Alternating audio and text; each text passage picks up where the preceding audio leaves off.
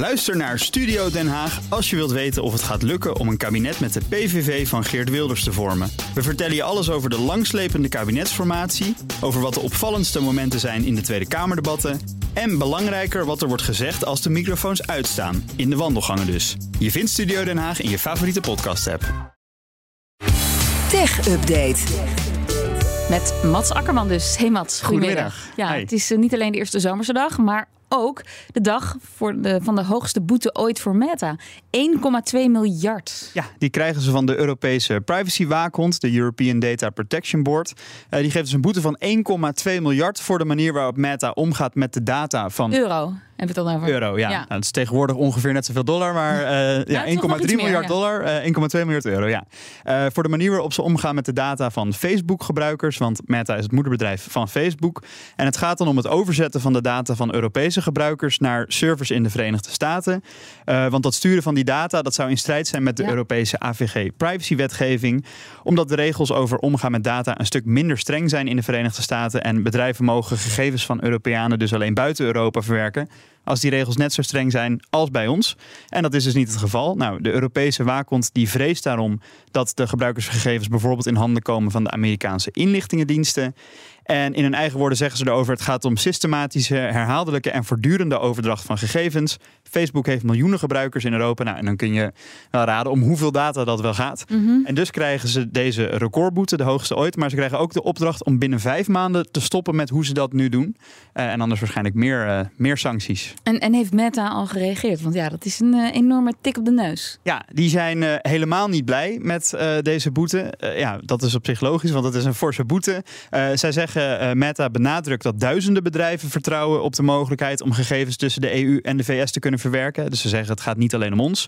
Het gaat niet over de werkwijze van één bedrijf op het gebied van privacy. Er is een fundamenteel juridisch conflict tussen de regels van de Amerikaanse regering en de Europese privacyrechten. Er hebben ook al een paar andere internetclubs gezegd, ja, wij maken ons ook nu wel een beetje zorgen nu Meta deze boete krijgt. Eh, en dat conflict tussen die Europese en Amerikaanse regels, daar wordt over gepraat. En de hoop is dat het dan in de zomer eh, wordt opgelost. Dat zou dan binnen die vijf maanden zijn waarin Meta Ja. moet stoppen met hun huidige werkwijze. Voorlopig eh, kun je dus Facebook nog gebruiken. En tot die tijd gaan ze wel in hoger beroep tegen de uitspraak, inclusief de boete. En ze willen ook de uitspraak voorlopig laten opschorten. Nieuws uit eigen land. MKB'ers en ZZP'ers hebben hun cybersecurity lang niet altijd op orde. Nee, dat blijkt uit een onderzoek van het Digital Trust Center. Dat is dan weer het onderdeel van het ministerie van Economische Zaken. En dat is opgericht met het doel om bedrijven hier beter in te maken in cyberveiligheid. Dus onderzoeken ze ook hoe het ervoor staat. Eh, uit dat onderzoek bleek dat kleine bedrijven en zelfstandige ondernemers de basismaatregelen eh, niet op alle punten op orde hebben. Ze werden er dan zelf over bevraagd van wat doe je, eh, maar ook hoe denk je zelf dat je het doet. Van heb jij een beetje door Ja. waar je mee bezig bent, de zelfkennis. Ja, Ja. precies. Nou, ik zal eerst even het goede nieuws uit het onderzoek meenemen. Sommige basismaatregelen worden wel goed nageleefd. Bijvoorbeeld de installatie van antivirussoftware, eh, sterke unieke wachtwoorden aanmaken, dat je goed alles laat updaten altijd. En ook het herkennen van phishing. Daarvan zeggen veel mensen dat, dat kunnen wij wel. We leren wel iets. Ja, Ja. Misschien dat ze allemaal die mooie cybersecurity trainingen hebben gevolgd. Eh, maar wat er niet goed gaat, is onder andere bijvoorbeeld het privégebruik van zakelijke laptops. eh, het laten uitvoeren van goede risicoanalyses over de digitale beveiliging. En de twee-factor authenticatie installeren. Dus dat je nog met een sms'je moet bevestigen dat je ergens wil inloggen. Dat staat zowel bij MKB'ers als ZZP'ers in de top 5 van slechts nageleefde maatregelen.